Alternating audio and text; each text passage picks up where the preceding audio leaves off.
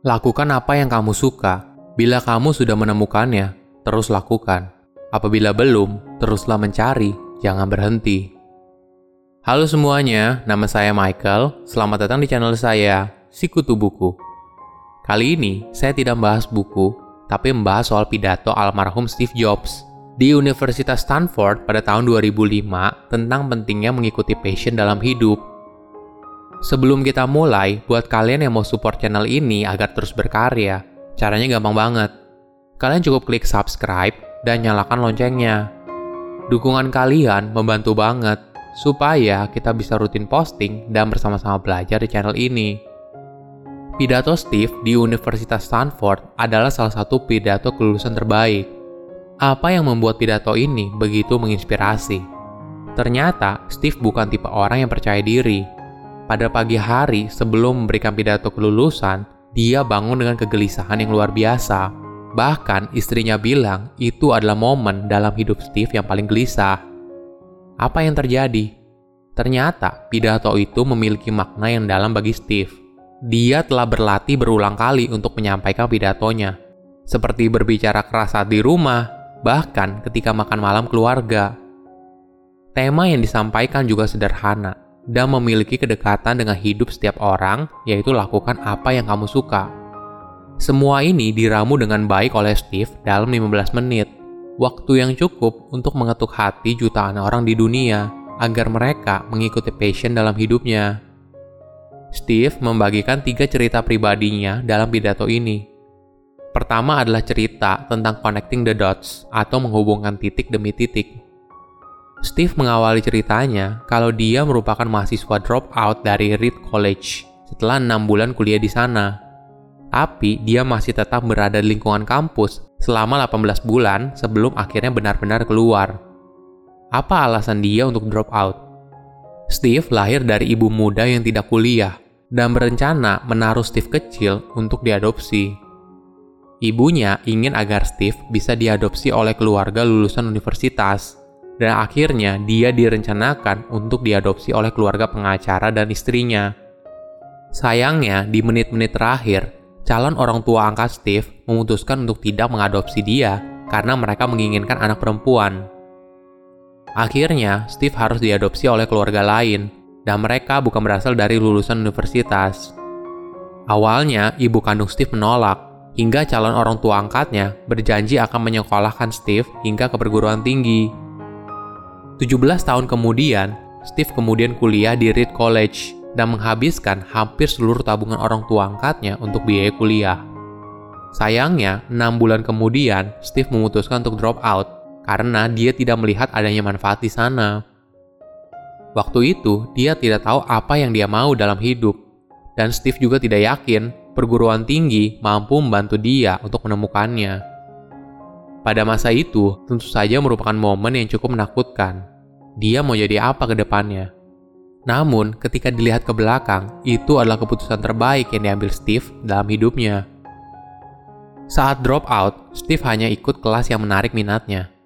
Sebagai contoh, dia ikut dalam kelas kaligrafi di Rice College, yang merupakan kelas terbaik di Amerika Serikat pada masa itu. Steve belajar soal kaligrafi, tipografi huruf seperti serif dan sans serif, kombinasi huruf, dan jarak antar huruf. Yang paling penting adalah dia belajar soal tipografi yang bagus. Mungkin kelihatannya, saat itu tidak ada dampak kelas itu bagi hidupnya. Tapi 10 tahun kemudian, ketika Steve mendesain komputer Macintosh pertama, dia baru sadar efek dari kelas kaligrafinya. Mac merupakan komputer pertama yang memiliki tipografi yang indah, jika Steve tidak drop out, maka dia tidak akan ikut kelas kaligrafi, dan komputer pribadi tidak mungkin punya huruf yang indah. Tentu saja, tidak mungkin menghubungkan titik demi titik pada saat dia kuliah. Tapi, ketika dia lihat ke belakang, semua titik itu terhubung satu sama lain. Kamu tidak akan bisa menghubungkan titik demi titik dengan melihat ke depan. Kamu hanya bisa menghubungkan titik demi titik saat kamu melihat ke belakang. Itulah mengapa kamu harus percaya pada sesuatu, entah itu insting, takdir, atau apa pun sebutannya. Kalau di masa depan, titik itu akan terhubung satu sama lain. Cerita kedua Steve adalah soal cinta dan kehilangan. Dia merasa kalau dirinya merupakan orang yang beruntung karena tahu apa yang dia suka saat masih muda. Semua itu bermula ketika Steve berumur 20 tahun dan bekerja dari garasi orang tuanya. 10 tahun kemudian, Apple telah berkembang pesat dari hanya berdua hingga menjadi perusahaan yang memiliki ribuan karyawan. Saat Steve berumur 30 tahun dan Mac baru diluncurkan setahun yang lalu, dia dipecat dari perusahaannya sendiri itu merupakan momen kehilangan paling dalam di hidupnya. Steve tidak tahu harus apa selama beberapa bulan setelahnya. Dia merasa kalau dia telah mengecewakan banyak orang, termasuk generasi pengusaha sebelum dirinya. Sampai akhirnya, Steve sempat terpikir untuk menyerah. Tapi masih ada sedikit cahaya di dalam dirinya. Walaupun dipecat dari perusahaan yang dia besarkan sendiri, Steve masih cinta dengan pekerjaannya hingga akhirnya dia memutuskan untuk memulai usahanya kembali. Selama lima tahun, dia berhasil mendirikan perusahaan teknologi bernama Next dan perusahaan animasi bernama Pixar. Dua perusahaan ini memiliki kinerja yang luar biasa. Pixar merupakan studio animasi pertama yang menciptakan film animasi komputer dengan judul Toy Story. Sedangkan Next akhirnya dibeli oleh Apple dan Steve kembali bekerja di perusahaan yang dibuatnya dengan nafas yang baru. Intinya adalah, jangan putus asa. Lakukan apa yang kamu suka. Bila kamu sudah menemukannya, terus lakukan. Apabila belum, teruslah mencari, jangan pernah berhenti. Hingga suatu saat, kamu akan menemukannya. Cerita Steve yang ketiga adalah soal kematian. Ketika dia berumur 17 tahun, ada satu kutipan yang selalu terngiang-ngiang di pikirannya.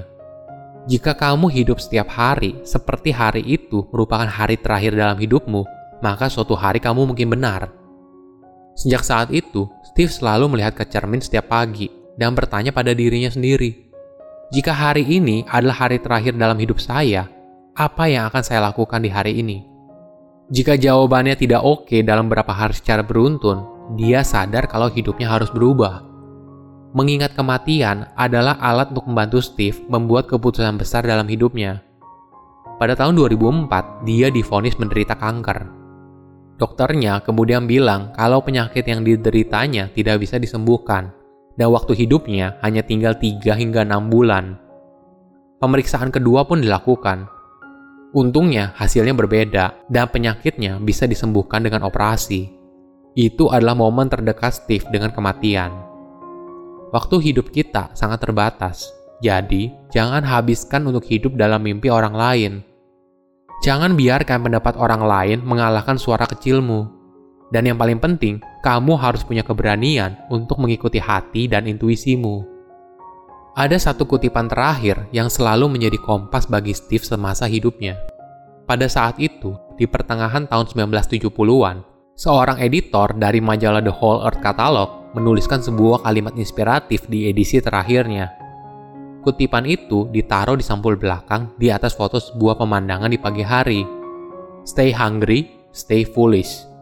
Itu merupakan pesan terakhir mereka dan juga merupakan pesan terakhir Steve bagi para calon mahasiswa di Stanford dan berharap mereka dapat terus mencari apa yang mereka suka. Silahkan komen di kolom komentar pelajaran apa yang kalian dapat ketika tahu informasi ini. Selain itu, komen juga mau tahu informasi apa lagi yang saya review di video berikutnya. Saya undur diri, jangan lupa subscribe channel YouTube Sikutu Buku. Bye bye.